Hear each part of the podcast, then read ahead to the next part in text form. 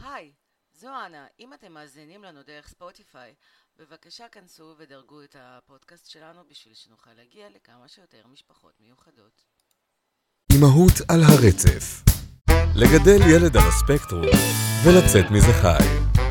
בהגשת אנה אברהמי קיינר ואינה ברזק.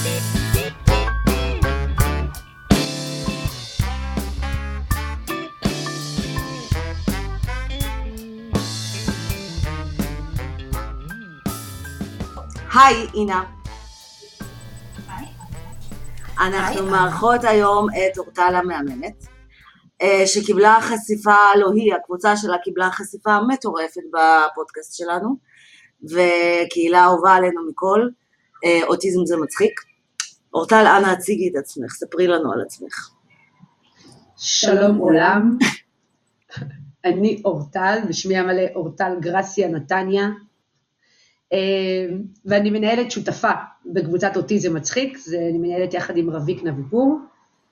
אנחנו הקמנו את הקבוצה, את רוצה שאני אתחיל לדבר על הקבוצה, או לספר על עצמי, או... מה אתם מעדיפים? אוקיי. כן, ספרי קצת על עצמך, ומה גרם לך להקים את ה... בעצם, מה? להקים את הקבוצה. אין בעיה. זה- אה, אז אני בת 36, עדיין 36, שאף אחד לא ייקח את זה ממני, כי בדצמבר אני 37. ביץ', אה, פליז, אני אני- בינואר 40, תירגעי. לכי, לכי, לכי לגינה, לגינה לשחק עם הילדים. שלא נדבר על אינה בכלל.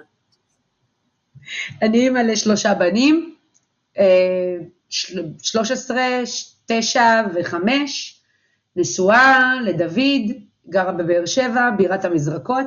אשכרה? את משלנו, מהדרומיות? לא ידעת את זה? באמת, לא, אנה, אני... אשכרה לא, רגע, לא. רגע, בואי ניקח רגע להיעלב. הרגע עבר, כן, אני מבירת המזרקות של המזרח התיכון, העיר בשליטתו של רוביק דנילוביץ' האגדי, שיום אחד יהיה ראש ממשלה. אמן. תזכרו את המילים שלי. אמן. את יודעת שאינה מבאר שבע ואני כן. עברתי מערד לפני שלושה חודשים. כן, אני יודעת שאתם גם דרומיות, כאילו, מדרום תיפתח הטובה. או הרעה, תלוי אם אתם אוהבים את אותי, זה מצחיק או פחות אוהבים. אה, ואני כרגע, כמו שסיפרתי לאינה מקודם, אה, מתחילה שנה שלישית בלימודי הוראת היסטוריה וחינוך בלתי פורמלי. לפני זה עבדתי עשור כסייעת פדגוגית, שזה שם מאוד מכובס, משלבת פדגוגית, זה שם מאוד מכובס לסייעת. אה, בבית ספר לילדים על הרצף האוטיסטי, בית ספר יסודי פה בבאר שבע.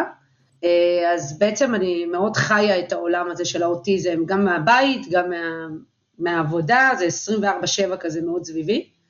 אה, וזהו, לפני כמעט שלוש שנים, שלוש שנים, וואו. אה, אני ורביק נתקלנו באופן אקראי לחלוטין באיזה פוסט בקבוצה אחרת, קבוצת נשים נורא גדולה, אני לא יודעת אם לציין את שמה או לא. לא, לא, לא. אנחנו אוקיי. מציינות פה דברים רק לטובה ולהשבחה. אין בעיה. אה, נתקלנו בפוסט של, של איזושהי אימא שצחקה, ביקשה לצחוק על הבן שלה, שהוא במקרה אוטיסט, אה, והפוסט הפך להיות מאוד ויראלי בקבוצה, כל האימהות כזה פתאום אמרו, כן, אני גם רוצה לצחוק, גם לי מותר, זה לא פרה קדושה, די, תפסיקו לשים להם כתרים על הראש. אה, ובתוך השרשור האימתני הזה של אלפי תגובות, אני אמרתי משהו ורביק זרקה איזושהי הערה, וזה מצחיק, אבל בזה, מזה שם נולדה בעצם אוטיזם מצחיק. אמרנו, אוקיי, אנחנו צוחקות על זה כאן, אבל זה נשאר כאן, ואנחנו לא רוצות שזה יישאר כאן, אנחנו רוצות שזה יהיה משהו קבוע, ש, שיהיה מקום אה, לצחוק לא רק לנשים, גם לגברים, אה, מקום שאפשר לברוח אליו. ובאותו יום קמה הקבוצה, זה היה 8 לינואר 2018. וואו, כן. אשכרה את זוכרת זה. תאריך. כן, אני זוכרת. איזה אימא לא תזכור את הבן הרביעי שלה? זה ממש... זה ילד לכל דבר. זה ילד לכל דבר. זה, ממש כמו לנהל גנון גם כן בקבוצה, אתם רואות את זה. זה- אז בגלל זה אני אומרת, זה ילד לכל דבר. רגע, שנייה, בואי. נסביר לבני תמותה, או שוב, מה, כאילו, איך, איך מחפשים את הקבוצה, כי לא ידעתי, חברה שלי קראה פעם את הכתבה עליכם, ואז כשהתחלתי לאכול סרטים על דוד, היא אמרה לי, וואי, וואי, וואי, אבל את תוכלי להיות חברה באוטיזם זה מצחיק. אמרתי לה, מה? מה, מה כן? אני הייתי כאילו. בדיכאון קליני וזה, החיים נגמרו. אני הולכת להיות מזכירה. עושה לי, לא, אבל יש את הקבוצה. ואז באמת חיפשתי כתבתי אותי זה מצחיק, או אוטיזם זה ולא מצאתי, אז כאילו הייתי צריכה שהיא תסביר לי זה, וזה קופי רייטינג מטורף.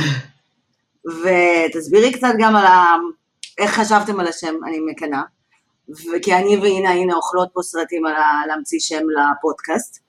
וגם, אה, אז איך למצוא, ולמי מותר להיכנס? כי נגיד ה... המפיק האגדי שלנו, יניב גלעדי, רצה להיכנס. הוא קיבל סירוב ממני, כן, מאוד... אה, בעצם לא, אין, אין כאן סוד יותר מדי גדול, פשוט כותבים בשורת החיפוש אוטיזם מצחיק, כמילה אחת, ואז צריך לענות על שאלון אה, פסיכומטרי מאוד ארוך ומסובך, שבו אנחנו שואלים אותך, מי אתה? האם יש לך קשר, מה הקשר שלך לעולם האוטיזם? ואת קפדנית ממש. הנה, את אינה לא רצית לאשר כי היא לא חברה בקבוצות אוטיסטים אחרות. אני לא חברה בקבוצות. היא, לא, לא, בגלל שהיא לא הייתה חברה, לא, אה, לקח לך מלא זמן כאילו לאשר אותה, אם את זוכרת. נכון, נכון. תראי, אני, אני אגיד לך, בעיקרון הקבוצה היא ייעודית להורים בלבד. אין בה אף אחד אחר, או לא אמור להיות בה אף אחד אחר, אלא אם כן הוא עבר מתחת לרדאר. אה, סבא, סבתא, דודים, שכנים, אנשים שעלו עם אוטיסטים במעלית, מישהו ששם פעם שקל בקופסה של עלות, לא. זה הורים בלבד, אנחנו גם מציינים את זה בכל פלטפורמה אפשרית, אבל אנשים עדיין מבקשים להיכנס. אז יש לנו עדיין את הדרכי סינון שלנו, אני לא אגלה אותם כמובן, איך אנחנו בודקים שזה באמת הורה, אמ, איך אנחנו בודקים שזה לא סבא של דוד של השכן של, ובאמת זה נורא חשוב לנו, זה אחד מה, זה אולי ה number rule שלנו בקבוצה, number one rule, כי אנחנו רוצים מרחב בטוח ללא שיפוטיות. וברגע שזה אדם שהוא לא חי את הילד בביתו שלו, בתעודת הזהות שלו, הטרחנות והשיפוטיות מגיעה מאוד מהר. רגע, אבל איך אתם צוחקים על זה? רגע, אבל איך אתם לא מתביישים לדבר על זה? אז אנחנו מנסים למנוע את זה לחלוטין, ובגלל זה היא באמת קבוצה סגורה להורים בלבד. אני לגמרי מסכימה עם זה, ואני חושבת שזה אחד הדברים הכי הכי חשובים, כי כמו שאת אומרת, זה מאוד מאוד קל להגיע למקום השיפוטי, או, או להפך, לנצל נכון. את זה. ולהעביר על הדחקות, ו, ואנחנו יכולים לצחוק על דברים שאנשים אחרים נכון, לא יכולים. נכון מאוד, נכון מאוד. אני כל הזמן אומרת, כל הזמן שואלים אותי, אבל למה להורים בלבד? למה להורים בלבד? ויש לי איזה קטע כזה שאני מספרת, בסדרה האגדית סיינפלד, היה איזשהו פרק שג'רי נורא נורא כעס על רופא השיניים שלו.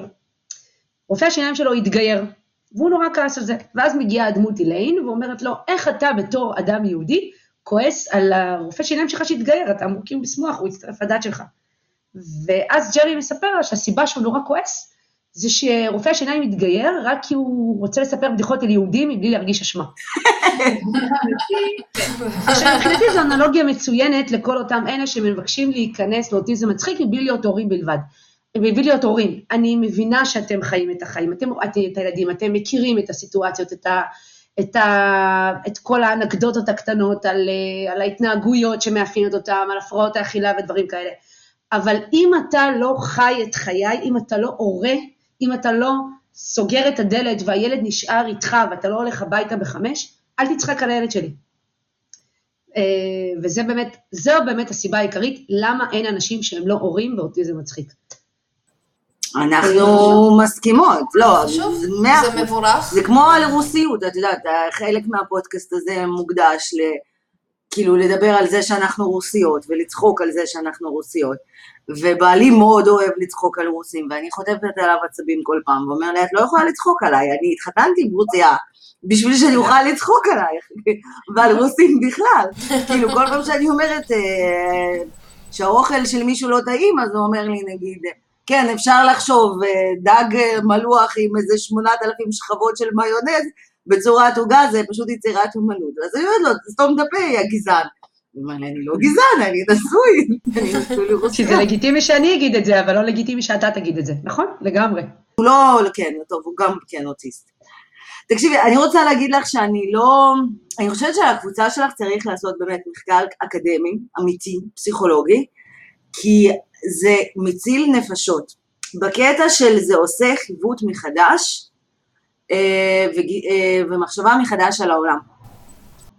אז אני רוצה להגיד לך, וסליחה שאני קוטעת אותך, שכבר די הרבה אנשים מהקבוצה עשו מחקרים על הקבוצה ופונים אליי באופן אישי. מישהי סיימה עליה עכשיו תזה. וואו. אה, כל מיני עבודות קטנות, כל מיני תואר שני ודבר, אני מקבלת בפרטי המון המון המון בקשות לראיונות, אה, ראיונות באלף, אה, על הקבוצה ועל מה שזה עושה לאנשים. אני בדיוק לפני כמה ימים קיבלתי מישהי סיימה את התזה שלה בציון 96. וואו. עשתה על הקבוצה, על, כן, מישהי חברת קבוצה מאוד מקסימה, על כל הרעיון הזה של מה זה הומור כרווחה נפשית.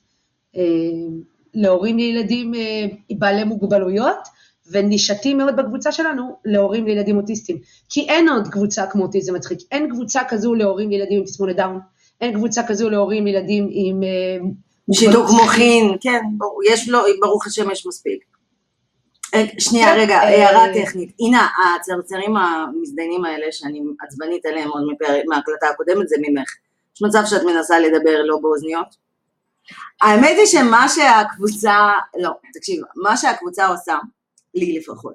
אני נגיד ראיתי, יש גישה כזו, אני לא זוכרת עכשיו איך קוראים לה, כי אין לי יותר תאי מוח, על כל הקטע הזה של אה, למשוך דברים חיובים.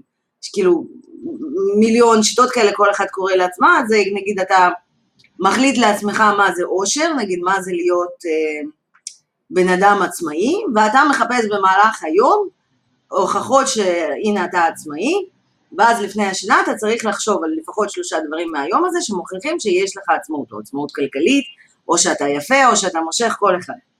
וזה כאילו עושה חיווט מחדש למוח. במקום, כאילו, אתה יוצא שאתה כל הזמן מחפש רק דברים טובים, ואתה מתמקד בדברים טובים, ואתה מוצף כאילו באנדרופינים, ואתה שמח יותר, וככה אנשים יוצאים מממש דיכאונות קשים. וזה מה שהקבוצה שלך עושה לי. כלומר, במקום אה, למות מבושה, או לאכול סרטים על זה שהילד כאילו בן ארבע, אבל אה, הוא אוהב לשחק רק עם ילדים בני שנה וחצי, או שהוא כאילו פשוט רוצה להיות תינוק וכאלה. אני חושבת על, על הפוסט שאני אעלה אצלך בקבוצה, וכמה לייקים אני אקבל, כלומר זה ממש מכבד אותי מחדש. נגיד היה, אבל... היה את אחד, סליחה, נגיד אחד הפוסטים שפרסמתי זה ש... האם זה שהוא מנסה להטביע את אחותו באמבטיה אפשר להחשיב למשחק משותף. עכשיו, הוא לא באמת הטביע אותה, אבל הוא היה ממש חסר רגישות בנוגע לכמות המים מהפרצוף שלה ולא יודע, מרחב כללי. וקיבלתי תגובות מאוד אוהדות במקום לחשוב של אוי, לא, הוא לא רואה שלא כיף לו יותר והוא לא עוצר. אמרתי, אוי, הנה הזדמנות, הנה, הנה, אני אכתוב משהו. אה, זה כמו שנגיד, אה, כמו הממים של הורים, הקבוצה שכאילו, כן אתה מקצין כל סיטואציה שגרתית רגילה, במם אמנם, ועושה צחוקים עליה. אבל אני מאוד אוהבת שאצלך זה לא בממים, כי למי יש כוח ולמי יש... זו, זו אבל מטרת העל של הקבוצה. אנחנו לא נתכנסנו כאן כדי לצחוק על, על הילדים שלנו, למרות שה... המצקצקים למיניהם, שזה הורים שלא אוהבים את אוטיזם מצחיק, שזה בסדר, לגיטימי, לא כולם צריכים לאהוב אותנו כל הזמן. יש משפט שאומר, אם כולם, אם כולם אוהבים אותך, סימן שאתה עושה משהו לא בסדר. אז לא כולם אוהבים אותנו ואנחנו בסדר עם זה. אה, אז המצקצקים למיניהם אה, טוענים שאנחנו נתכנסנו כדי לצחוק על הילדים שלנו. אנחנו לא צוחקים על הילדים שלנו, אנחנו מתים עליהם, אנחנו שרופים, מצונתרים עליהם, זה אהבת חיינו.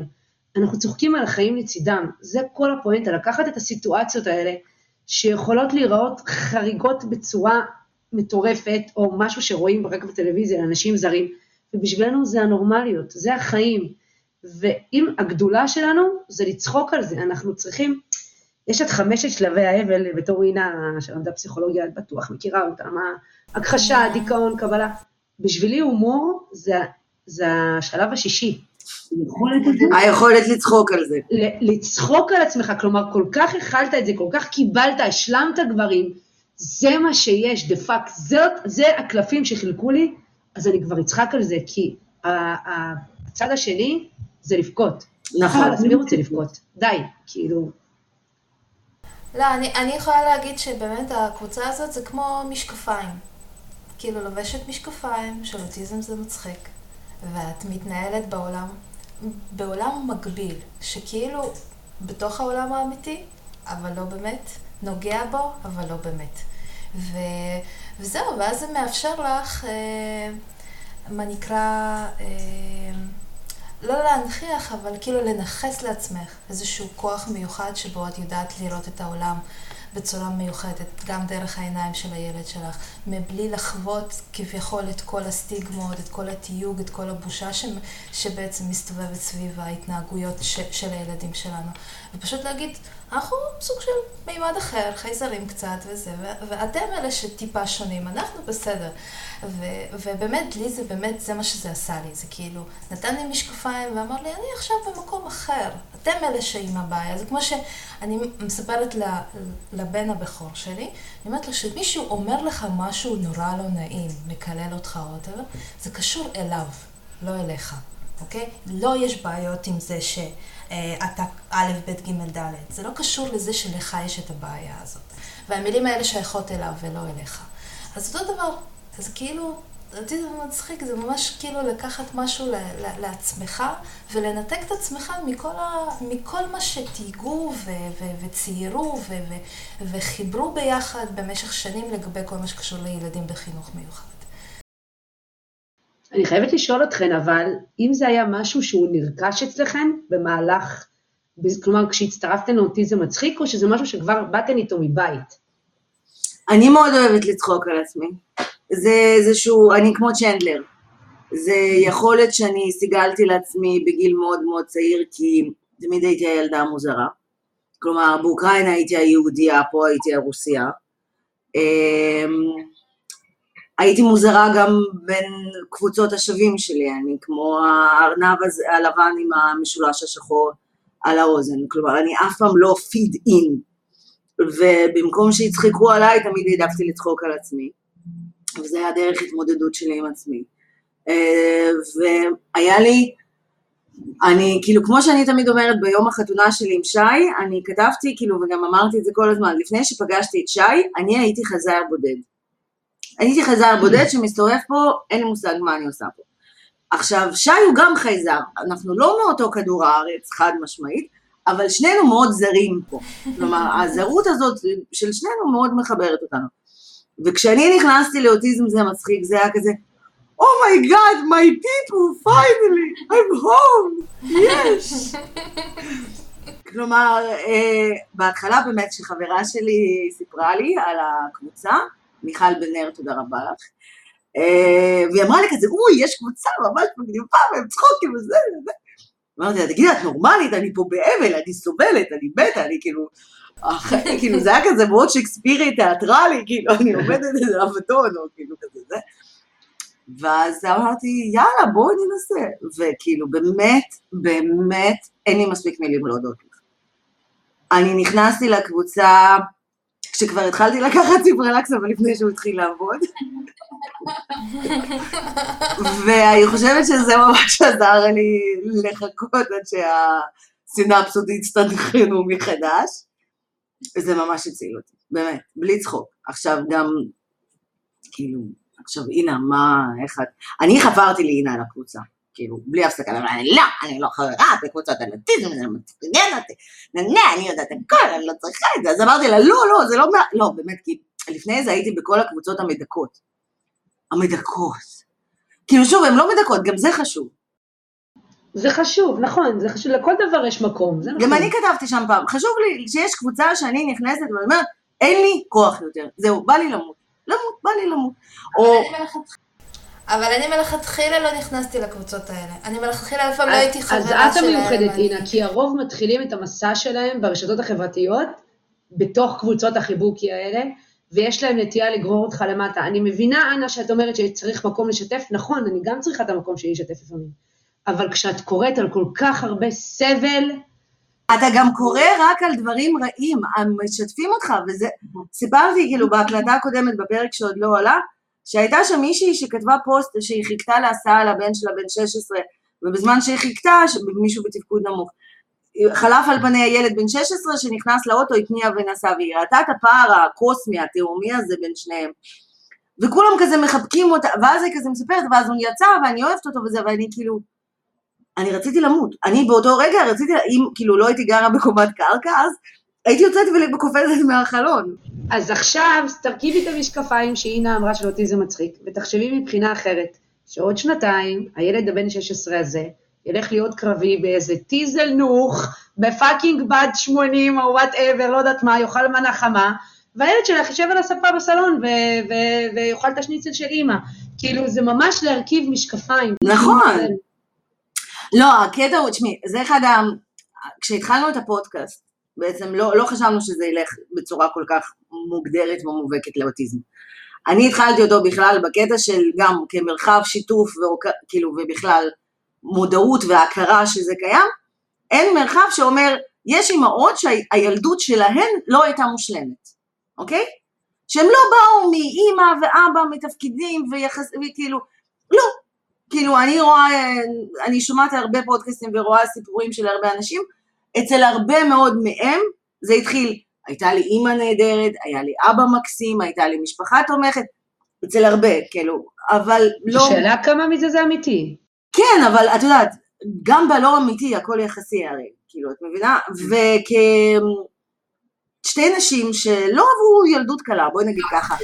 טוב, סליחה, יחסית לאנה שבנת צ'רנובל בגיל חמש, הכל יחסית בקטנה, כן? בואו, כן, זה לא...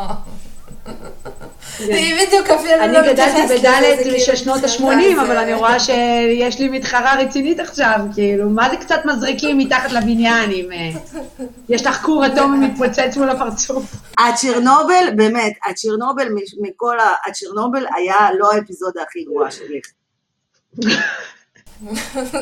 וואו, אוקיי.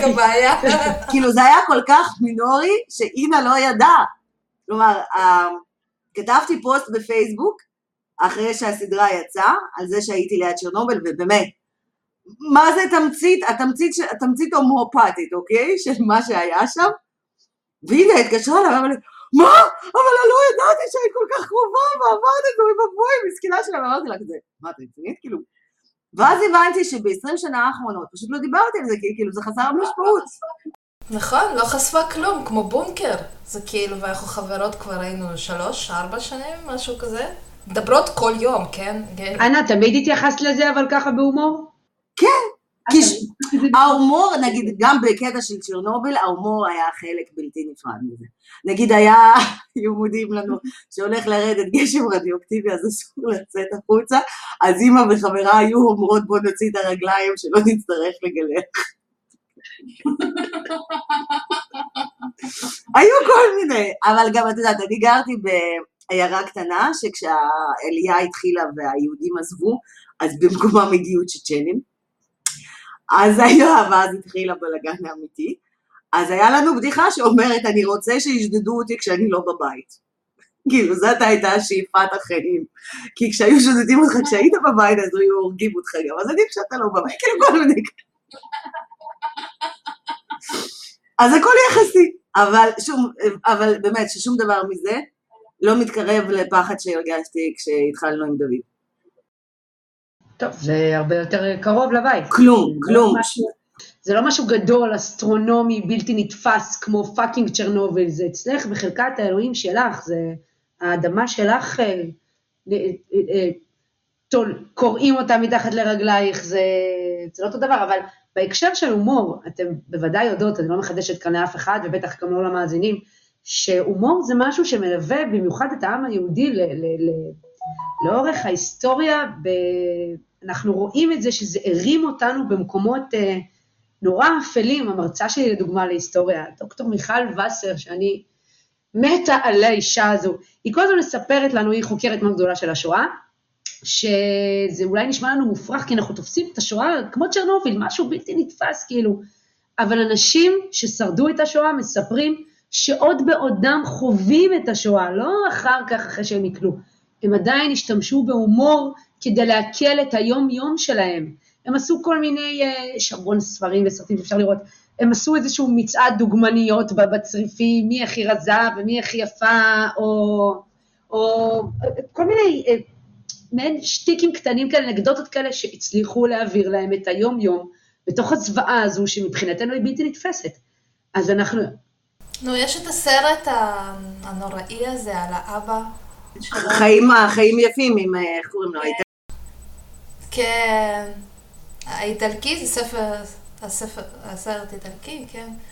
וזה זה, זה אחד הדוגמאות המטורפות, איך אה, שינוי shift ב mind, בהקשר, לגמרי יכול לשנות לנו את כל אז זהו, אז ו... כמו שהתחלתי להגיד, כאילו, מהמשהו דיכאוני כאלה, אנחנו אימהות מסכנות, היה לנו קשה בילדות, העריכו אותנו עכשיו בתור אימהות, זה מהר מאוד עבר לדבר על אוטיזם באמת ועל החוויה החיובית שלנו.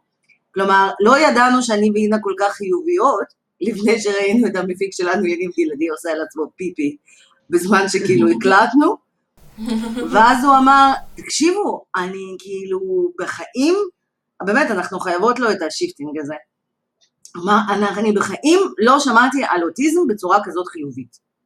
כלומר, באחד הפרקים הראשונים אמרנו כזה, כן, זה גם בונה אופי וגם עושה כאילו כל מיני מהדברים האלה שאת משכנעת את עצמך, ואז אמרנו שלא נדבר על הקצבה, וכאילו בואי, תו נכה, יש הטבות, יש בנפיט. ואז הוא אמר, וואי, אף פעם לא חשבתי להסתכל על זה ככה, וכאילו בצורה מעצימה ולא מסכנה. ואז בעצם זה עבר באמת ל... כאילו מטרת על שאנחנו רוצות לעשות יחסי ציבור למשפחות מיוחדות. כי מה שאני ראיתי על עצמי, ומה שאני רואה על אנשים אחרים שכבר התחלתי לפגוש, זה שמרוב הסטיגמה המאוד שלילית ומפחידה שיש על זה, אנשים מפחדים לגשת לאבחון. גם אני, גם אני לא רציתי ללכת לאבחון. כלומר, אם לא הייתי מקבלת עידוד מאוד מאוד מאוד חזק מצד המשפחה שלי, עד עכשיו, כאילו, לא יודעת מתי הייתי מאבחנת אותו. אז אנחנו, מאוד חשוב לנו לעשות, כאילו, להראות שלא הכל חרא. שיש דברים טובים והיבטים חיוביים, ו... יש לי כמה הסתייגויות על זה. דבר ראשון, אה, העניין הזה של הפבליסיטי הזה, של ה... יש גם דברים חיוביים, יש כמה הורים שחוששים מזה. כן. אומרים, אם יחשבו שאנחנו מלקקים דבש והכל טוב ויפה, אז בעצם במרכאות, המוסד, המדינה, וואטאבר, ייקחו לנו את המעט זכויות שנותנים לנו. עכשיו, מי שלא מבין שזה בעצם הפוך על הפוך, הרי אנחנו לא באמת, הקצבה הזו שהם מקבלים, היא לא מגרדת את התשלומים שאנחנו משלמים. על תרופות וטיפולים ווואטאבר, זה, אני, אני אפילו לא אתחיל לפרט, אוקיי? אבל אה, אנחנו, זה, זה כן עוזר, אנחנו לא יכולים להגיד שלא. התו נכה כן עוזר, הקצבה כן עוזרת, היא אומנם לא, הייתי מוותרת עליה ברגע, אבל להגיד שזה לא עוזר לי לחיות את חיי לצד בני, זה שקר. אבל מכאן ועד שמישהו יחשוב שזו הסיבה שאני אבחן את הבן שלי, כי מישהו רוצה את זה, בואו, אוקיי? קחו את זה, קחו. כן. אז אה, הכוונה שלנו הייתה באמת כאילו לתת היבטים, להקצין את זה לטובת הומור. כן, ברור, אין ספק. לתת היבטים כאילו נוספים חיוביים לכל החוויה, ולהסתכל על זה. אה, ברור, כאילו, אני לא חושבת שמישהו מזה שהוא ישמע את הפודקאסט שלנו, יחשוב, ייגש לכנסת ויגיד, אוי, תראו, בואי נחסוך על הילדים האוטיסטים. אלפי שקלים. כן. הם חיים מהכסף הזה, הם רק לא רואים שאני משלמת 400 שקלים לשעה למנתח התנהגות, אבל לא משנה. אה, וחשוב גם לזכור שלא כל הילדים הם באותו תפקוד, כלומר, זה שיש תפקודים גבוהים זה לא אומר שיש בתים שהילד, אה, אני, אני אגיד את זה במילים מאוד מאוד עדינות, הוא ילד מאתגר, ילד שהחיים לצידו הם לא פשוטים. זה לא ילד כמו הילד שלי, שאני יכולה להגיד שזה לא פשוט שהוא אוכל רק חמישה סוגי מאכלים שונים, זה ילדים ששוברים בתים, זה ילדים שמגיעים להוסטלים בגילאים מאוד נמוכים, חמש ושש, זה ילדים שהחיים לצידם הם כמעט בלתי אפשריים מבחינת אה, ההוואי המשפחתי. משפחות אה, מתפרקות, זוגות מתגרשים, האוטיזם היא לא סתם, זה לא סתם קשת, זה קשת שיש תפקוד ברמה שאתה לא יכול לדעת אם הוא באמת אוטיסט, והקיצון השני זה, זה סיעודי לחלוטין, או, או תפקוד מאוד מאוד מאוד נמוך. אז אה, בדרך כלל אלה שנמצאים בקיצון הזה, של התפקוד המאוד נמוך, קשה להם הרבה יותר, הרבה יותר להסתכל על החצי כוס המלאה הזאת ולראות את הצדדים ההומוריסטיים, ובכל זאת, יש לנו גם הורים כאלה בקבוצה, ואני מורידה בפניהם את הכובע. חבל על הזמן. לא. לא, לא. לא אציין את שמם, אני אקרא אותם. אבל uh, זה הורים שאתה ממש צריך לא רק להרכיב את המשקפיים שהנה אומרת, אתה צריך להלחים אותם לצדדים, כדי לראות את המצחיק, לראות את הטוב, ו, ואחד הדברים שגורמים להרגיש, לי גורמים להרגיש טוב עם הקבוצה זה זה, שגם הורים שחיים עם ילדים כאלה, מוצאים את עצמם בקבוצה שלנו ומצליחים לראות את המצחיק. ולא להתמרמר על כל מיני פוסטים של תגב"שים, תגב"שים, מי שלא יודע, זה תפקוד גבוה בתחת שלי, שהנה הילד מתפנק על איזה טיקט שיש לו בחולצה שמציק לו, כשהם הרגע נגבו קירות שלמים אה, מצואה, או הוא שבר את הטלוויזיה פעם החמישית החודש. אה, וזהו, אני כאילו, כבר הלכתי לאיבוד במה שרציתי להגיד, אז תחזירו אותי. בכל מקרה, זה, זה, גם, זה גם משהו ש, שיש לתת עליו את הדעת. ברור. יש גם אנשים כאלה. והם עדיין מצליחים להסתכל בהומור, ושאפו להם. זה לגמרי, לגמרי, ואני חושבת שההורים האלה, כמו שיש לך, כאילו בקבוצה, אני חושבת שזה האנשים הכי מעוררי השראה שיש, ואני חושבת שהבמה של TED והדלקת משואה צריכה להיות שייכת להם, כי לא רק שהם מצליחים להחזיק מעמד, הם גם באמת מצליחים לתת כאילו תקווה לאנשים אחרים. ודיברנו על זה הרבה כאילו בפודקאסט, בפרקים הקודמים, שכאילו כל אחד תופס את העולם דרך המקצוע שלו. אני איש שיווק.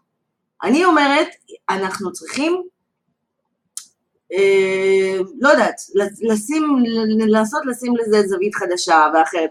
גם בקטע של לתת הוקרה לכל ההורים האלה, ולתת להם אה, יותר אה, מקום, ולתת, ולאפשר להם לתת השראה לאנשים אחרים. וגם להוריד קצת את המפלס החרדה. תקשיבי, אנחנו כל הזמן אמרנו להם, גם אני וגם אינה, אנחנו קיבלנו חדי קרן טובים, מהכיוון היותר מתפקד של הקשת, יותר פוליטיקלי קורקט. וברור, אני לא יודעת, לא יודעת ולא רוצה לדעת מה, איך אני הייתי מתפקדת אם זה היה בצד השני. אה, זאת הסיבה שאני לא אעשה עוד ילדים, כי אני מפחדת לדעת מה יצא לי עוד פעם. אה, אבל אני מכירה, אני זוכרת את עצמי, שהילד שלי יחסית תפקד, אבל חד משמעית היו לו בעיות, ואני פשוט עצמתי עיניים, ואני רואה אנשים מסביבי שגם עושים את זה שברור, כאילו גם בקטע הזה של התפקוד גבוה יחסית, הכחשה הרבה יותר קלה. כלומר, התפקודים הנמוכים, מה שאת מספרת, כן. זה אין, אין, כאילו, אין מה לעשות, אתה לא יכול להתעלם מזה, אתה לא יכול לנסות, כאילו, כמו שאני ניסיתי לשכנע את כל המאבחנים של דוד, הוא בסדר, היום הוא עייף, הוא אכל יותר מדי סוכר, גם אחותו עשתה את זה בגיל שלו, וכאילו, כל הסרטים שאני, כאילו, דברים שאנחנו מספרים לעצמנו, עשיתי את הכל. כשהתפקודים נמוכים, שנייה אוריאל. Uh, כשהתפקודים נמוכים, אז uh, הרבה יותר, כאילו, קל, אי אפשר להתעלם מזה, הרבה יותר קל להגיע לאבחונים. מה שאני ואינה מאוד מקוות, זה שהפודקאסט שלנו יוריד את רמת החרדה של לשלוח מייל ולמלא שאלון ולשלוח מייל למרכז להתפתחות הילד, או לקבוע תור עם איזשהו מאבחן, משהו שאנחנו רואות המון. השאלה שלי היא כזו, איזה אוטיסטים הכרתם לפני שנכנסתם לעולם האוטיזם? מה היה הדימוי שלכם, אם היו אומרים לכם אוטיסט, מה עלה לכם לראש? אז היה לי שתיים, היה לי את שלדון קופר והיה את ריינמן, מהסרט הזה שיודע לספור קלפים, שזה התפקוד היותר נמוך. זהו. וזה מה שנמצא אצל רוב האנשים בראש כשהם חושבים, הם חושבים אוטיסט, אז הם חושבים, אה, מונגלואיד? אה, תסמונת דם? אה, רגע, המראייר, הזה שמרביץ לעצמו, האלה שמנפנפים, הם לא באמת מבינים מהי הקשת, הם לא מבינים באמת מהי תפקוד, מהם תפקודים, מהם החיים לצד ילד או ילדה אוטיסטים. אה, אז אני חושבת שזה הרבה יותר, זה, זה חוזר קצת יותר, לתודעה הציבורית צריכה להיות מעבר לאוטיזם מצחיק, שזה כבר השלב הבא, שאפשר לחיות לצד זה.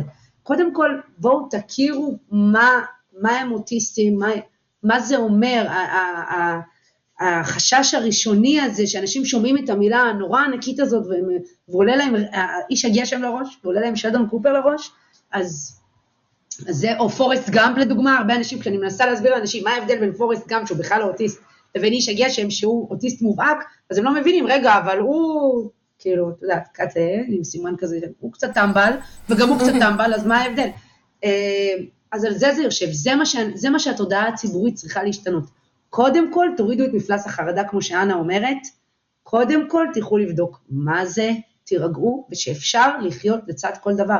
כן, גם לצד ילד אוטיסט, גם לצד ילד עם מוגבלות שכלית, גם לצד ילד עם תסמונת דאון, whatever, יש כל כך הרבה דברים שאני, ה-DSM אפשר לפתוח אותו והוא יפרט לכם. אה, אז זאת השאלה, איך מטפלים בזה? איך מטפלים בתודעה הזו? אני אתן לדוגמה, אני מצטערת שאני מדברת על אלו"ט, אבל אלו"ט לדוגמה נורא עושה publicity לאוטיסטים בתפקודים נמוכים. אוקיי? אה, ומי שמתחבר לעמודים שלה, או עוקב אחריה, או whatever, הוא רואה רק בדרך כלל לרוב את התפקוד הזה.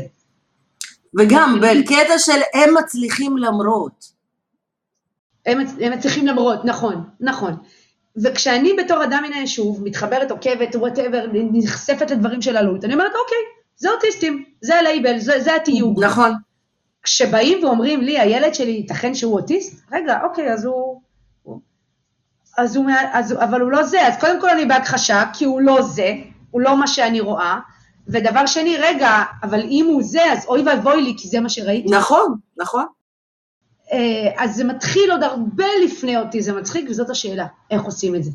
ואם תצליחו לפצח את זה, אשריכם. תשמעי, אני אגיד לך סתם לדוגמה, אני, הדוגמאות שהיו לי בראש זה שלדון קופר, איש הגשם ודורון, ואני ראיתי את דורון מתפתח מכאילו ילד, כאילו האוטיסט של אינה,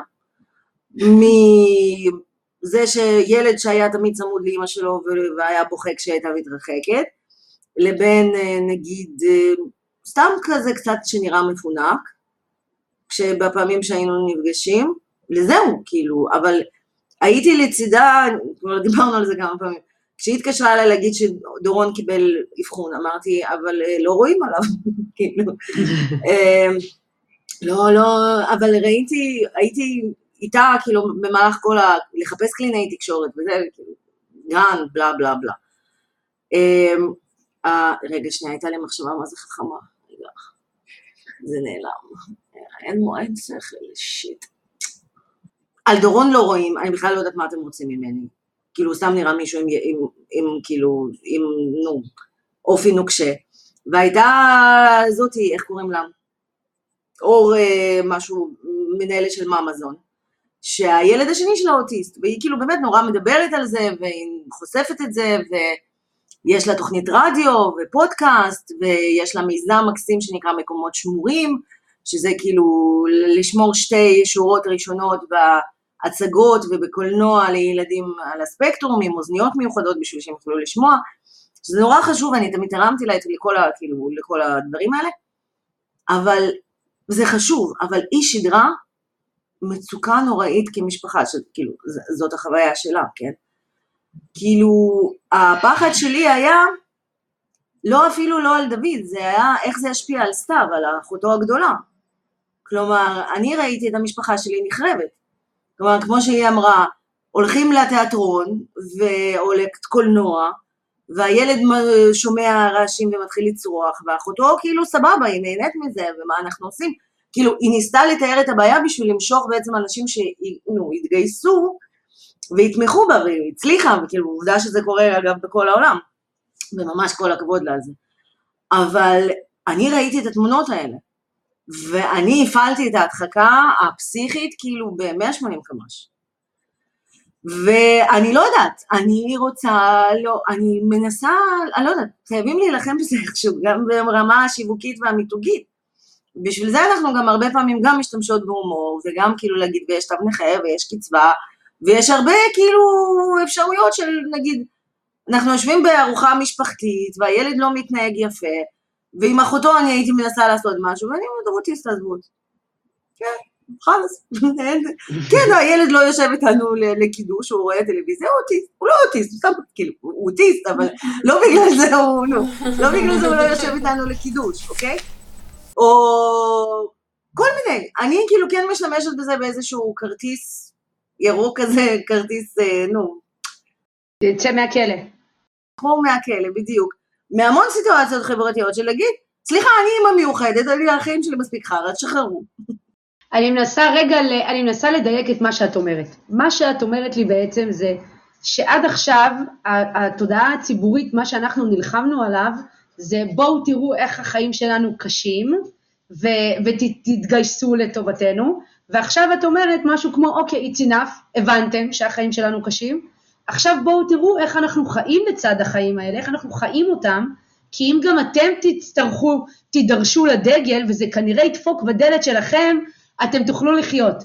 כי כשאנחנו מדברים על אחד מתוך 68 כיום בארצות הברית, ועל אחד מתוך 59 בסין, אז יש את הקלישאה שאומרת בקרוב נהיה הרוב, אז אנחנו fucking בקרוב נהיה הרוב. כאילו אחד מתוך 59 ילדים בסין עכשיו על הרצף. אז, אז, אז אני פשוט מנסה לדייק את מה שאת אומרת. את אומרת, הבנתם? עכשיו בואו תראו מה תעשו אם. אני נגיד, אני אתן לך דוגמה. אני, אני רואה באינה, גם ראיתי וגם רואה, אשת הברזל, אוקיי? זה אדם הכי רחוק מהאופי שלי, מהטמפרמנט שלי, מכל ההוויה שלי. הבית שלה מסודר, היא מבשלת אוכל טבעוני, היא משקיעה, הילדים שלה מחונכים, היא מחזיקה את אה, דורון, כאילו, באמת, במשמעת לא נורמלית. אני לא, אני מגדלת כאילו טרוריסטים, סבבה? הבית שלי נראה כמו, לא יודעת, רמאללה אחרי הפגזה. אני, כשאני הבנתי שאני הולכת לכיוון כאילו של דוד אוטיסט, אמרתי, אני לא אינה. אני לא אינה, ואני לא רוצה להיות אינה, ואני לא מסוגלת להיות אינה. ואין בי את הכוחות האלה. עכשיו תקשיבי, באמת, בסדר זה, כאילו, הצ'רנובל באמת, זו הייתה בין האפיזודות הכי סבבה בחיים שלי. אני באמת בן אדם חזק. אבל זה, ישבתי עם עצמי, ואמרתי, לא, גדול עליי, לא, לא, תודה, כאילו, ביי, לא, fuck it, כאילו, אל תרשמו אותי. אני, זה היה נורא מפחיד. ואני רוצה להסביר לאנשים שזה לא חייב להיות. כאילו, כל אחד יכול. זה לא כזה נורא, ומסתגלים לזה. ויש בזה הרבה דברים טובים גם. נכון. וזה לא הכל בבת אחת, ולא צריך כאילו גם להוריד גלוטן, גם להקפיד על גבולות, גם להוריד, כאילו, גם להיות ללכת כל יום לטיפול אחר, כל יום לאיזה, או זה בסדר שיהיו ימים שהוא יחזור מהגן ולא יהיה לו שום קלינאית, או שום מרפאה, או שום טיפול, או שום רכיבה, הוא פשוט יישב ויבא בטלוויזיה כמו ילד, רגיל כמו כולם, זה בסדר, את אימא טובה דייה. כן, כן, כן, אני תיארתי לעצמי את החיים שלי עכשיו, אני קמה בחמש בבוקר, כאילו אני מאמנת, אני אימא של, כאילו, מתכונן לאולימפיאדה. ואני מחמש בבוקר עד 11 בלילה נוסעת, כאילו שככה החיים שלי היו נראים בגדול בשנה וחצי האחרונות. ואני נוסעת איתו ממקום למקום, מטיפול לטיפול וכן הלאה, ואני לא, אני בן אדם, אני כאילו, אני באימהות שוקות, אני ראיתי את גם קבוצות שמקמות לתחייה באמצע החיים. היה פוסט בממים של הורים, שמישהי כתבה, וואלה, בא לי קבוצה שאני רק אראה את העוגות הקנויות, וכאילו בלאגן במטבח, וככה אימהות שוקות, כאילו, כמה, ואני הייתי מצטרפת מספר ארבע לדעתי. אני אימא שוקעת גאה, אני לא רוצה את כל החרא הזה. אני חייבת לספר לך משהו. על רגע מכונן בחיי, שגם, הבנתי את זה גם לפני, אבל זה היה ממש רגע של הערה. בכיפור, יום כיפור לפני כמה שנים, אני ואלוהים, אה, כבר מאז ההבחנה של הראל ביחסי אה, אהבה שנאה כאלה, אבל לא משנה, זה לפודקאסט, לפודקאסט אחר. אה, באותו כיפור קראתי את הספר פסיכיאטר על הספה, של דוקטור רבינוביץ'. אם אתם מכירות אותו, הוא פסיכיאטר של אה, האח הגדול, מאוד מפורסם, אילן רבינוביץ'. אתן לא מכירות, לא משנה, אתן בטח תרוצו אחר כך לחנות הווירטואלית של צומת ספרים, לקנות את הספר שלו, יש לו ספר מרתק. בכל אופן, בספר הזה הוא מספר על חייו, הוא אבא לשלושה ילדים, שניים מהם אה, אוטיסטים בתפקוד נמוך. הם היום אה, בגילאי עשרה כבר, אם אני לא טועה, 18, 20, שניים מהם, ויש לו ילדה אחת גדולה שהיא נ"ט, לא מפרנסת, סתם, אה, ועוד שניים מפרנסים. כן. עכשיו הוא מספר בספר הזה, הוא מתאר את מסע חייו, על הזוגיות שלו, על הלימודים, על הכל, וכמובן גם על הילדים שהם נדבך מאוד גדול בחיים שלו. ומה שהייתה, מה שהיה הרגע המכונן הזה בחיי, אני ממש זוכרת את הפסקה שזה היה כתוב בה, הוא סיפר על המרדף אחרי הטיפולים. הוא סיפר על המרדף האינסופי והזיזיפי הזה, על כל טיפול בספר שהוא נחשף אליו וגם לא בספר. הוא, היה, הוא, הוא, הוא, הוא הביא מומחים משוודיה ומארצות סקנדינביה ומ, ומ, ומארצות הברית על חשבונו, ומימן להם כאן שהות של חודשים ארוכים, וטיפולים של 24 שעות, ו, והוא אמר שאם היו 24 שעות ביום, הילדים שלו היו מטופלים 27 שעות, אוקיי? לא היה טיפול שהילדים שלו לא עברו, והוא הוציא על זה לא מאות אלפי שקלים, מיליוני שקלים, והוא יכל להרשות זאת לעצמו כי הוא בן אדם די עשיר, שיהיה לו לבריאות.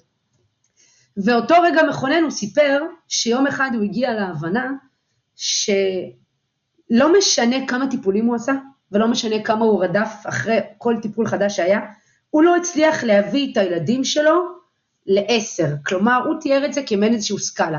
אם הילד שלי נולד ביכולת ארבע, אז לא משנה כמה אני אשקיע, הוא יכול להגיע לארבע וחצי, הוא יכול להגיע לחמש, אני בחיים לא אביא אותו לעשר, ולא משנה כמה השקעתי והשקעתי, אוקיי? זה דוגמה לאדם שהוא השקיע. ואז הוא הבין שבעצם המרדף הזה אחרי הטיפולים, זה, הוא לא נהנה ממנו, כי הוא לא יביא את הילדים שלו, הרי לא, הם לא יהיו נ"טים לעולם. הכי הרבה שהוא הצליח להביא את הילדים שלו, כן, הילדה שלו הצליחה להגיד אימא, אחרי כל כך הרבה שנים, והילד הצליח להגיד איזה שני משפטים מחוברים, כלומר, כל הכסף שהוא זרק, וכל המשאבים והזמן, הוא לא הצליח להביא אותם אפילו באותה סקאלה לשש, אוקיי? לארבע וחצי, לחמש. אז המרדף הזה כל הזמן גורם לנו להרגיש כהורים פחות טובים. כאילו, הנה, יש עוד איזה טיפול שלא עשינו, הנה, יש עוד איזה משהו שלא עשינו, אבל, אבל די, צריך גם כן לדעת מתי להרפות, מתי לנשום. זה, זה גם משהו שאנחנו צריכים להזכיר לעצמנו, והזכרת את זה לי עכשיו, את הקטע הזה בספר, כי זה היה רגע מכונן בשבילי. תנוחי, תרפי, אם, אם, גם אם תקחי את הראל כל יום לרכיבה טיפולית, הוא לא יהפוך להיות נ"ט. It is what it is. תני לי לקדם אותו קצת, אבל הוא לא יהיה הכי הגדול. תשמעי, זה גם, זה עוד שלב בקבלה והשלמה, מה שנקרא. ו... כן, היכולת הזאת, אה, סליחה, היכולת הזאת לשחרר. הרבה פעמים אני רואה על אה, דורון, זה שהוא כן מצליח, אה, אני כן כאילו, את יודעת, שמה עליו עוד כובע ועוד גלימה ועוד כובע ועוד גלימה ועוד כובע ועוד גלימה, ולפעמים אני פשוט אה, באמת משחררת, וכשאני אומרת לו, אה, תוריד את התחפושת של הנ"ט. וזהו, פשוט תוריד את התחפושת של הנ"ט, הוא עכשיו צריך להיות דורון איכשהו, ובלי כל התחפושות ובלי זה. כי זה ממש מרגיש ככה, כאילו, עוד גלימה, עוד שלב, עוד מגפיים וזה.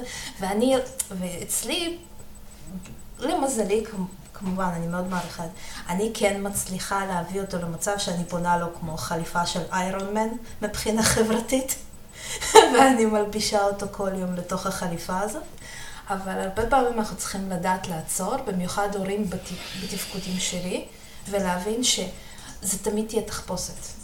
ובפנים... בסדר, תשמעי, אני עוד לא הגעתי כנראה... אני אהבתי את זה. אני כנראה עוד לא הגעתי להשלמה הזאת.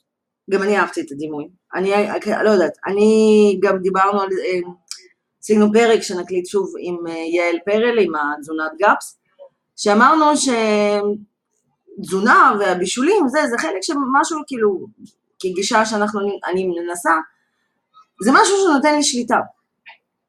שאני אומרת, זה כאילו לא צריך ללכת לקלינאי תקשורת ולקוות שאני אפול על מישהו טוב, וזה, אני משהו שאני יכולה לעשות בבית עם הסירים שלי.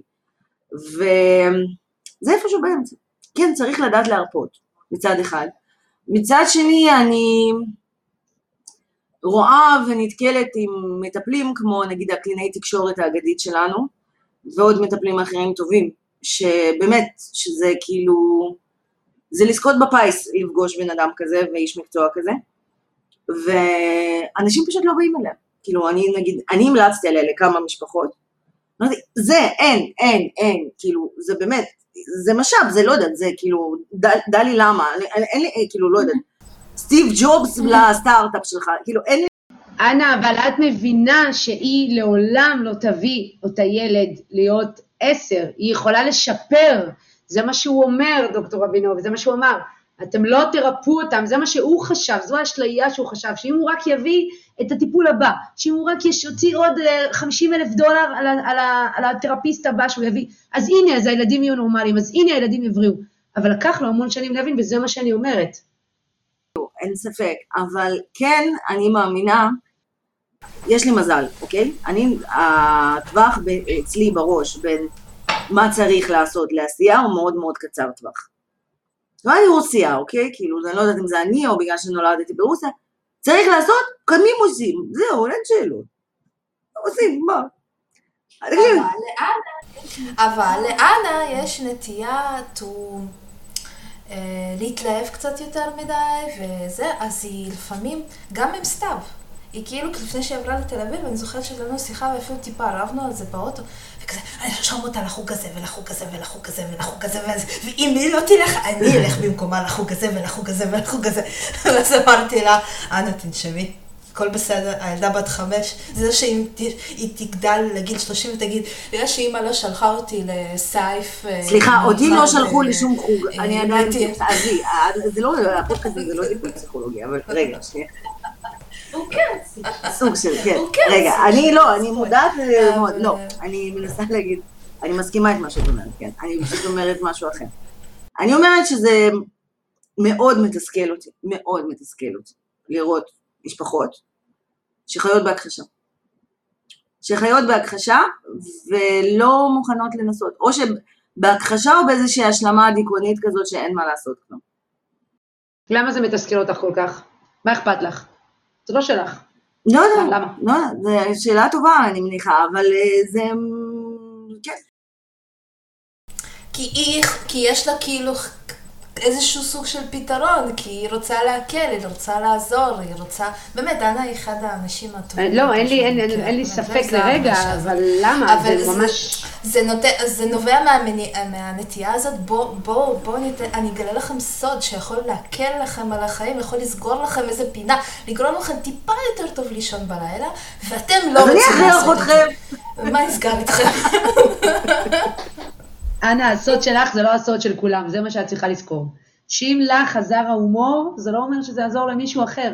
וזה מה שאמרתי בתחילת השיחה. לא כולם אוהבים אותנו, לא כולם מתחברים לצביון שלנו, כי זה גם לא פה, זה לא, זה לא מגננה של כל אחד. יש אנשים שהומור זה מגננה, אצלי זה מגננה לכל דבר, או הדחקה, או וואטאבר, וזה לא עובד אצל כולם, אז את, את מרגישה שיש בידך איזשהו פתרון, או איזשהו את, את סוד הקסם אה, לחיים טובים ושלמים יותר. לא, אבל שוב, זה לא שאני ממליצה על כל מטפל לזה, יש מטפלים שאני ממש ממליצה לא להתקרב אליהם, או שאני אומרת, לא יודעת, אה, לנו זה לא עבד, תנסו, כזה. כאילו, באמת, אלוהים שיעזור גם, חלק מהדבר הזה זה למצוא את המטפלים ולעבור את הסיוט הזה, כאילו, כמות האנשים המזעזעים ששילמתי להם מלא מלא מלא כסף פשוט בלתי נגמרת. אבל אני אומרת, יש שניים, באמת שניים שאני הכרתי, שבלב שלם אני אומרת, יאללה, שימו את הכסף, גם אם זה הכסף האחרון. ואנשים לא מקשיבים לי, וזה נורא מעצבן. אולי אני, אולי אני לא צריך, לא צריך, אני לא צריכה להיות בפוליטיקה בכלל, אני חושבת שאם אני אלך לפוליטיקה, פער בין זה לבין שליטה באוכלוסייה ודיקטטורה יהיה קצר מאוד. דיקטטורה מאוד מהר. כן, יש מצב. אבל שוב, הנה, זה, אין, זה הרוסים, כאילו. מה זאת אומרת אתה לא רוצה לשפר את החיים שלך, אתה מחליט שאתה יכול לחיות? מה זאת אומרת אתה לא מקבל את ההמלצה שלי עכשיו? כל החרא הזה של חופש הבחירה וזה לא מובן. אוי, תגידי, יש איזה פוסט הכי כיפי בקבוצה שלך אה, שאת יכולה לספר? כאילו משהו שהכי... משהו שראית, אה, שמישהי כתבה, או תגובות שלה שאמרת, וואו, הקבוצה, זה כאילו, זה הנחת שלי, כאילו, בשביל זה הקמתי את הקבוצה ואני משקיעה בה כל כך הרבה זמן. אמ, אז זה, לא, זה לאו דווקא פוסט, אה, אני מקבלת הרבה פידבקים אה, בפרטי, אנשים שולחים לי בפרטי. אה, ואחד הדברים שהכי זכורים לי לאורך השנים, שיום אחד שלחה לי חברת קבוצה שהיא בשלהי שנות ה-60 לחייה, ויש לה ילד על הרצף, בשנות ה-40 נראה לי, משהו כזה, יותר מבוגר ממני.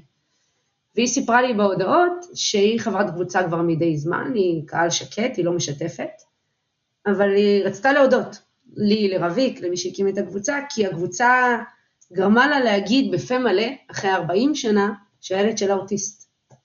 כי היא הייתה בארון האוטיזם במשך כל השנות ההורות שלה, והיא מעולם לא אמרה בפה מלא שהילד שלה אוטיסט, הוא תמיד היה עוף המוזר במשפחה, הילד הזה שלא בדיוק מבינים מה יש לו, אף על פי שהיא ידעה לגמרי שהוא אוטיסט, כלומר היה לו אבחון. אה, אבל זה לא נאמר בפה מלא. והצביון של הקבוצה, ההוואי של הקבוצה, שמסתכלים על זה דרך המשקפיים שאינה אומרת, ההומור, גרם לה לצאת מהארון. ו... ולהגיד, הילד שלי אוטיסט, בפה מלא. וכש... וזה מגיע מאישה שיכולה להיות אימא שלי, שהיא אימא לאדם שהוא מבוגר ממני בכמה שנים טובות, וזה אחד הדברים שהכי שקעו אצלי, כלומר, יש המון גם, סליחה שאני משתמשת במילה, יש המון חרא בקבוצה גם, אני מקבלת גם את זה, את עבודה סיזיפית. ספרי לנו גם על החרא, הכל טוב, אנחנו פה. ולסנן אה, שרשורים, ולסנן תגובות, ולראות שאין טרחנות, ולראות שלא אישרתי מישהו שהוא לא בעצם הורה, ו... זה כזה, אני, יש לזה דימוי, אני כל הזמן אומרת אותו, זה כמו מסרי קינים, זה לעבוד עם מסרי קינים על הקבוצה, על החברים, על הפוסטים, על השרשורים, זה, וזה, כן, וזה כן, לא, התנדבות לא, לחלוטין, וזה אמנם, יש קבוצות של חצי מיליון אנשים, אבל יש שם ארבעת אלפים הורים, וזה נראה לכם כאילו, בסדר, מה זה ארבעת אלפים הורים? אבל זה ארבעת אלפים הורים לילדים אוטיסטים. זה הורים שרגילים לעמוד על הרגליים האחוריות, זה הורים שרגילים להביע את דעתם. אז זו עבודה מאוד סיזיפית והתנדבותית, ויש רגעים שאת אומרת לעצמך, fuck it, די, מה אני צריכה את זה? לא רוצה את הגנון הזה, לא בא לי לנהל את הגנון הזה יותר, לא בא לי להסביר לכל אחד בפרטי למה הפוסט הזה לא טוב, ולמה זה לא יעלה, ולמה התגובה היא טרחנית, ו... ואז מגיע רגע כזה שמקבלים הודעה כזו, ואת אומרת לעצמך, אוקיי, זה שווה. זה הכל שווה. זה שווה את זה, כי אם האישה הזו עכשיו לקחה רגע, והיא קהל שקט, היא לא תורמת לקבוצה. אני לא מאמינה שהיא אפילו עושה לייקים. היא רק, היא, היא ממש פסיבית לחלוטין. אבל היא לקחה רגע כדי לכתוב לי הודעה כזו, ואני נתתי לאישה הזו את ההרגשה הזו, מבחינתי זה, זה עולם ומלואו. אה, אז זה לאו דווקא פוסטים, כי בפוסטים אנשים יותר מתבטחים, אבל בפרטי הם כבר הופכים להיות יותר, אה, הם מורידים את החליפה של לינה, מורידים את החליפה, והם מודים על, אה, הם מודים על רגעים שאני אומרת להם תודה שהם חלקו איתי את, ה, את המחשבה הזו. תקשיבי, את מהממת על... אני, אני לא, אני לא אלאה אתכם בעוד דוגמאות, אני לא יודעת עד כמה זמן הפודקאסט אמור להימשך. אז זה בדיוק היופי בקטע שהפודקאסט הוא שלנו, אנחנו מחליטות. אוקיי. אנחנו קובעות, לא, אבל... אני מרגישה שאני לא מפסיקה לדבר, כאילו... אנה אורח, נהייתה אורחת על, עם עין, ובעצם... אה, אה, לא, תקשיבי, קודם כל אנחנו, כאילו, כן, תכף נסיים. אה, כן, זה יתרון של הפלטפורמה הזאת ושאנחנו מחליטות, כאילו, יניב מאוד ניסה, המפיק שלנו, מאוד ניסה כזה למרכז אותנו, לסדר אותנו, כל הזמן בהתחלה, הוא ויתר די מהר. אה, הוא ניסה לתת לנו כזה lineup שנמלא בדוגמאות ושיהיה לנו בצורה קבועה איך אנחנו אומרים שלום ומה הפתיח ומה הסיום וכאילו זה פשוט לא... ואמרנו לו גלעד את, הגב... את, ה... את הכללים הגבריים שלך מהעולם הפטריארכלי שלך בבקשה תשמור לך אנחנו קבוצת נשים. אמרנו לו זה לא כאילו לא, לא אמרנו לו את זה כבר עליו אבל כאילו... אמרנו לו. לא, לא, אמרנו לו את זה בדרך זה לא חייב להיות אנאלי פאלי כזה, זה כאילו, לא צריך לבנות משהו לצורת חוקה, אנחנו נשים, זה יכול להיות מעגלי, יכולים להיות כמה נקודות סיבה בכל פרק, לא חייבים. גם תשמעי, אנחנו מארחות אמ, בפודקאסט בעצם אה, אנשים שגם קרובים לתחום הזה, ואנשים שעושים לנו טוב בעיקר. כלומר, עד עכשיו אירחנו את אה, שירה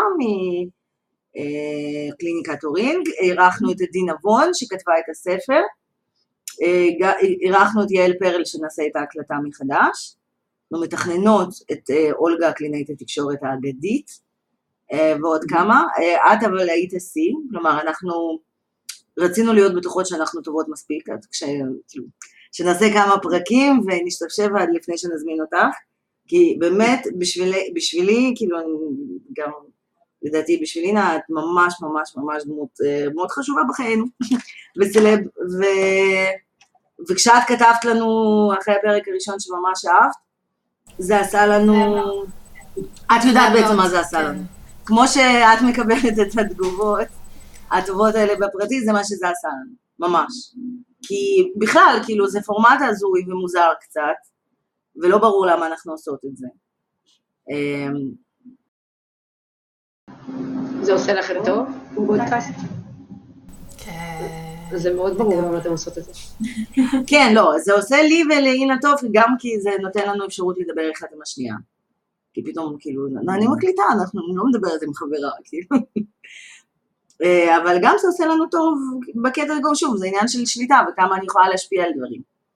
כי חלק מהקושי שלי היה שהדבר הזה של אה, דוד פשוט נזרק עליי.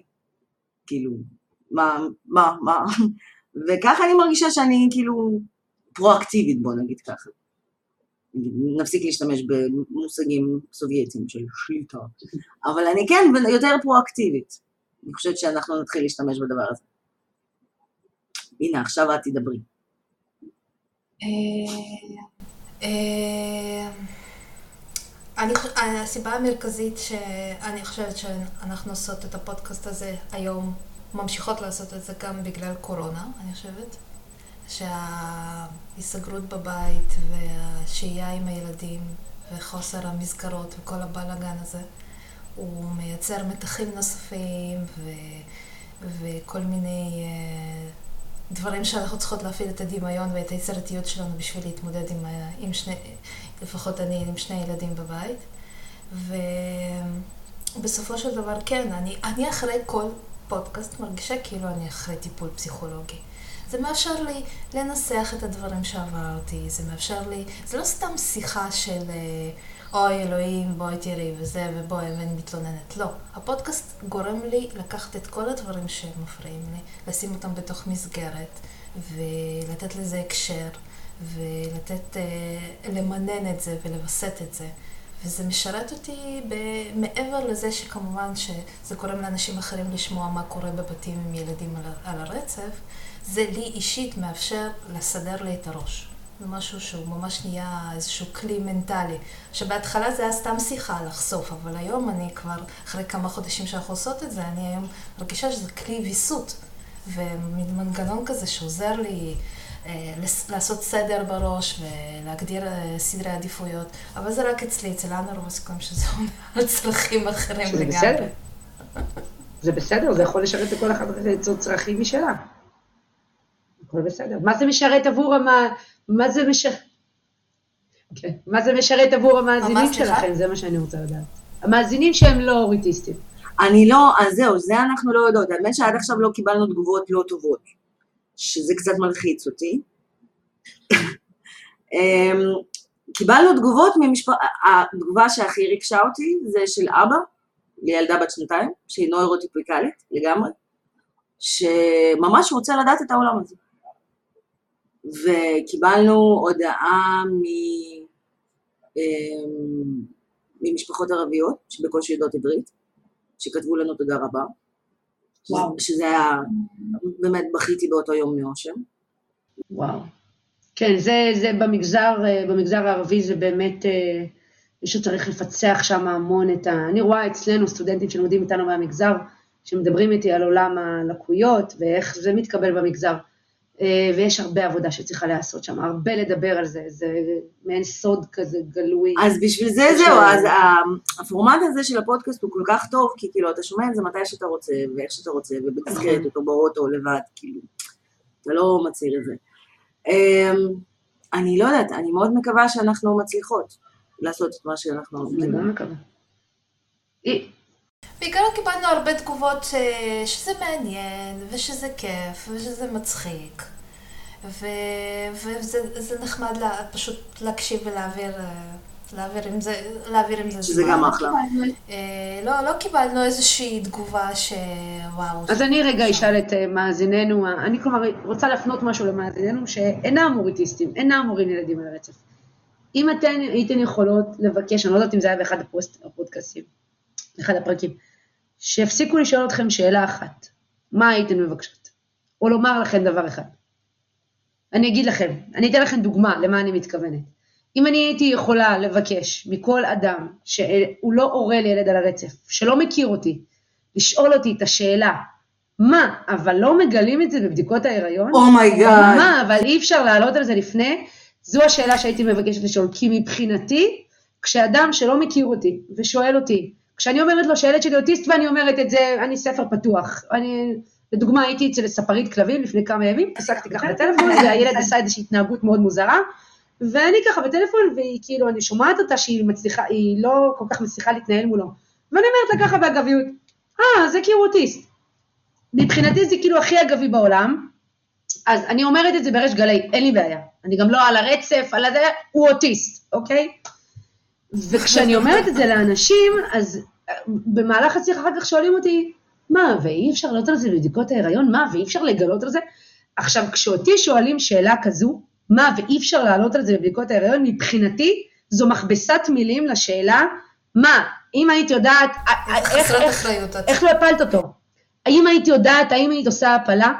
ופאק, אני מכירה אותך 20 שניות, אתה באמת, סיריוסלי, עכשיו שאלת אותי, אם אני הייתי יודעת שהילד שלי אוטיסט בבטן, האם הייתי מפילה אותו? אתה אפילו לא יודע מה שם משפחה שלי. אז אני רוצה לבקש מכל האנשים שהם לא הורים לילדים על הרצף, בפעם הבאה שאתם פוגשים אדם שיש לו או יש לה ילדה על הרצף, בבקשה להימנע מהשאלה האם אי אפשר לעלות על זה בבדיקות ההיריון? בואו אני אגיד לכם על זה, אי אפשר לעלות על זה בבדיקות ההיריון. לא, אני לא יודעת מה הייתי עושה אם כן היה אפשר לעלות על זה בבדיקות ההיריון, אני לא יודעת אם הייתי מורידה, סביר להניח שלא. זה לא ממקומכם לשאול אותי את השאלה הזאת, זה לא בסדר, וזהו, פרקתי. האמת שהיה לנו פרק ש... היה לנו... אני זוכרת שדיברת כן, על זה, ואני זוכרת אז ספציפית. שאמרתי לעצמי אז כששמעתי אתכם, אני הייתי אומרת כך וכך וכך. טוב מאוד. הנה השקל 90 שלי על זה, בבקשה לא לשאול אותי את השאלה הזו. אמ, זאת שאלה טובה. קודם כל, כאילו, אני איתך, כן. גם אני שומעת את השאלה הזאת הרבה, או אני שומעת אותה בהקשר אחר, שאומרים לי, למה את לא עושה עוד ילד? אני אומרת, כי אני מפחדת שיהיה לי עוד חד קרן.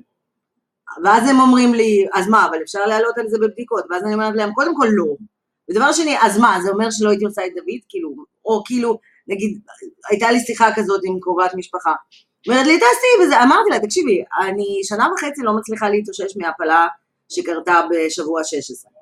חושבת שאני, אפשר להביא אותי למצב, ונגיד יש בדיקות, ואני בשבוע 30, אני אעשה מי שפיר או משהו כזה, מתי שלא עושים את המי שפיר, ואז אני אגלה שמשהו לא בסדר, ואז אני אוריד אותו, אז מפה עד ישר לאברבנל, כאילו בואי, מה, על מה? נכון.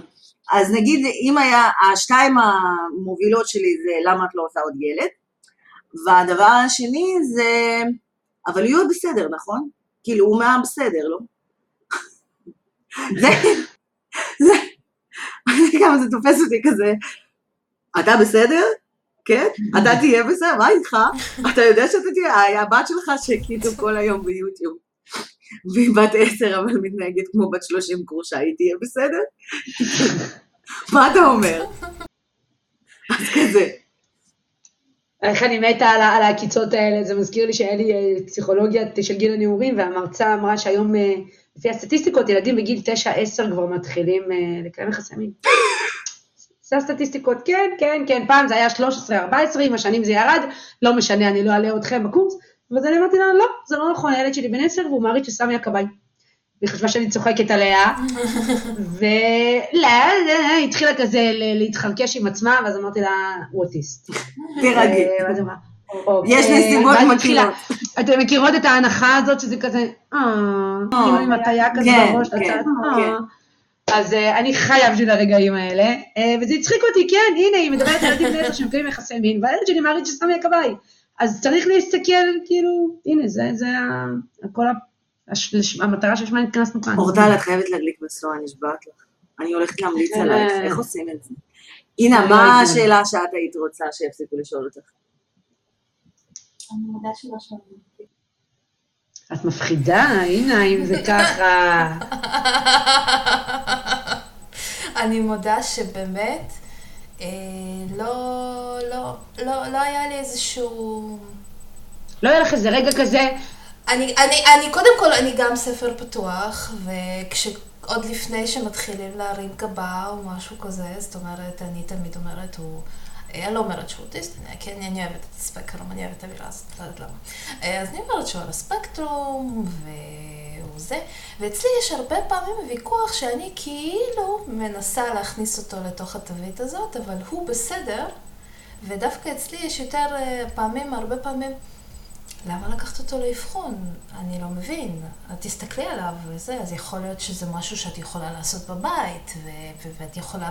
זה אצלי. אצלי הוויכוח האם הוא באמת זה מה, ש- מה שאני טוענת, או שאני איכשהו, קלקלת אותו. בדרכים, הצלחתי לתת לו, כן, לתת לו את התווית הזאת, ובעצם, והבעיה היא בחינוך שלי, ולא בזה. אצלי זה ככה, כי, כי הוא, בגלל שהוא ממש אה, לא נראה, אוקיי? אז אצלי זה הוויכוח הזה. ומה שאני כן הייתי מבקשת זה שכשאני כבר אומרת למישהו שהוא זה, אז שהוא פשוט יקבל את המידע הזה ולא ינסה לתת לי טיפים מבחינת החינוך שלי, אה, שאומנם נכון, אני, איך קוראים לזה, לא בן אדם ממש מבוגר ואין לי תואר בחינוך, אבל אני משערת שאני יודעת מה אני עושה. אז אצלי... הבעיה- זה מאוד ישראלי או מאוד סובייטי. לתת את העצות האלה? גם וגם. סובייטי מבחינה שאם זה במעגלים שלך, זאת אומרת, במובן ש... שכמו, כמו שסבא של... לא, אבל כמו שסבא של דורון כל הזמן אומר, רק צריך אה, לשבת עם הילד. לא, אבל אני מדברת נגיד ברמה של בישראל, זה סבבה כאילו לגשת לאימא, לילד. זה אדם זר, כן, כן. לילד בסופר להגיד, לא חבל, כפרה עליו, הוא רעב, תרימי אותו, תני לו את הצעצוע, משהו כזה. וברוס... ואתה... והבן אדם מדבר עם האימא. ברוסיה, אחת הטראומות הגדולות שלי היו זה שכל בן אדם זר, כאילו כמו שאת חיילת וכל אחד יכול לגשת אלייך ולהגיד שפרי הופעתך, כל בן אדם יכול לגשת אליי בתור ילדה ולהגיד לי את לא מתנהגת יפה, את עומדת לא זה, את עושה את זה לא טוב, תעמדי, תתנהגי, את לא עולה, את חצופה, את לא מנו... ככה, כאילו, בלי... ואז ההורה שלך עוד יסכים איתו ואתה תקבל על הראש גם פעמיים. כן. אמרתי לכם, כן, אני. כאילו... כן, אבל זה נובע מזה שהחברה היא סובייטית וסוציאלית, והילדים לא שייכים להורים, הם שייכים למדינה, ולכן כל אחד יכול לחנך את הילד שלו. כאילו יש פה איזשהו היגיון בהתנהגות הזאת, זאת אומרת, זה לא התנהגות שהיא נובעת מתוך זה. בישראל זה לא נובע מזה, זה נובע מ... מהחוצפה הישראלית, מה- מהלגיטימציה הזו שיש לך לדחוף את האף כן. שלך לעניינו של כל אחד. מזה שזה בסדר להגיד לה, נכון. "אה, למישהי שאת לא מכירה, אה, הבחנת אותו סתם, הוא לא באמת אוטיסט. אוקיי, מי את? מי שמך? מי. נתן לך שלום, את מה התואר שלומך? פסיכיאטר? בדיוק. כן, אה, אז זהו, אז בגלל זה נורא רציתי להבין האם זה משהו שהוא ישראלי או סובייטי. אבל את אומרת שאת חווה אותו מכאן וכאן, פשוט כל אחד... אני מעדיפה. את, הגרסה הישראלית. כאילו. באמת, גם בתור אימא, אני מעדיפה שידברו אליי ולא לילד שלי, כאילו. עכשיו בתור כן, אימא. עכשיו בתור אימא, אם מישהו ייגש לילד שלי, כאילו, כשהוא לא במשפחה, במשפחה אנחנו כמובן, כאילו, כולם, במשפחה הגרעינית של בעלי נגיד. אבל גם אני מאוד, אה, כאילו, שתלטנית כזאת. מאוד מגוננת עליו, לאנה היא מאוד מאוד מגוננת עליו. אני פחות מסכימה. מה, מה, מה, מה? עם הגינון הזה, אבל סבבה. אני חושבת שאת פשוט נורא, אה, נכון, יש נטייה, אני יודעת בכלל, גם מבחינה פסיכולוגית, לילד שהוא על הספקטרום, או יש לו איזושהי הפרעה, להורים יש נטייה יותר לגונן עליו, ואני חושבת שזה טבעי, כי אנחנו רואים אותו כפיוטר פגיע. ולאנה יש יותר נטייה לגונן. אל תרגישי רע בחברה טובה, גם אני כזו. לא, אני סבבה, אבל לא. זה מצחיק, כי נגיד, יו, הנה, אנחנו חייבות, אני לא הספקתי להגיד לך, אנחנו חייבות לעשות פרק שאנחנו מארחות את האימהות שלנו. כאילו, כל, כל אחת בנפרד. רק תיקחו הרבה אוויר לנשימה. לא, לא, ילד ציפרלקס וזה, ולהסניף. וכמה ציפרלקס לפני, כן, כי אם אני חושבת שאני צריכה לעשות פודקאסט עם אמא שלי, אז... כן, כזה. תקשיבי, ואמא שלי לא סובייטית, היא רק עיראקית.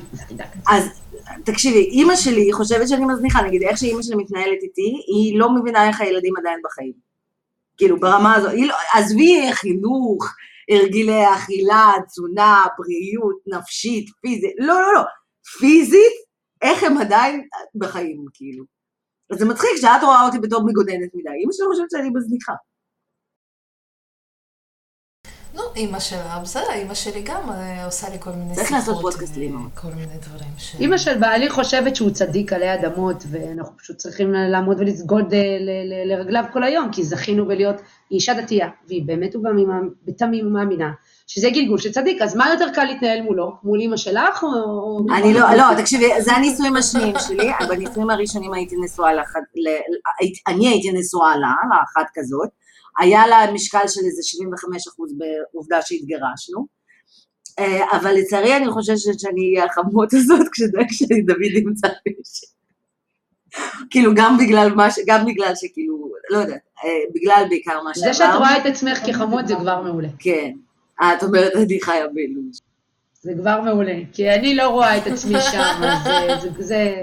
לא, לא, אני רואה את. עצמי בתור חמות, ואני רואה את עצמי עושה את המוות, יותר מזה, אני רואה את אינה בתור חמות, ואני רואה את עצמי לוקחת את הכלה שלו אה, ל- לקפה ואומרת, עזבי, כפרה, כפרה, עזבי, בואי, היא נחמדה, שחררי. היא בן אדם קיבלת טוב, אותו עם היא קצבה, פשוט באמת, ת- תזדוני לי 90 אחוז, היא כאילו, הכל בסדר, היא פשוט באמת,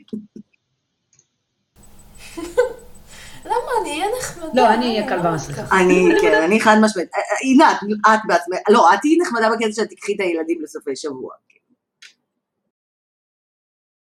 רק על זה היא תהיה חייבת לקבל כל מה שאני אתן. שתגיד תודה, לא, סליחה, אני כאילו מראש אומרת, דוד זה הגבר המושלם, גם הקטע הזה שהוא לא מדבר כאילו בכלל, וכאילו, באמת, הוא נשמה טובה, והוא גבר מושלם, והוא בן אדם מושלם, ולא, זהו, לא מעניין. כן, אמ, אנחנו צריכות לסיים. אורטל, זה היה כבוד וכיף לא נורמלי, אנחנו חייבים, נעשה איזה מפגש אופליין. אמ, ממש תודה לך, זה היה מדהים. אנחנו ברשותך נשים אולי את הלינק לקבוצה, שעוד אנשים יגלו, או שזה יעשה לך עוד כאב ראש. לא, לא, בכיף, בשמחה. רק כמובן שאחרי הרבה עריכות, ואם יש כל מיני מילים להפות, אז תעשו בליפים כזה.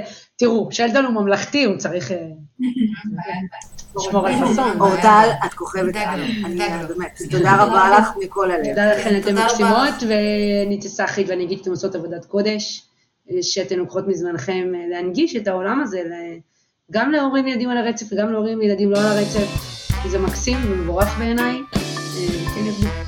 גם עודק.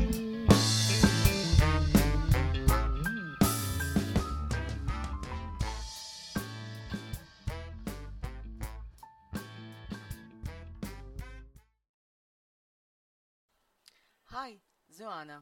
יש לנו גם ערוץ יוטיוב.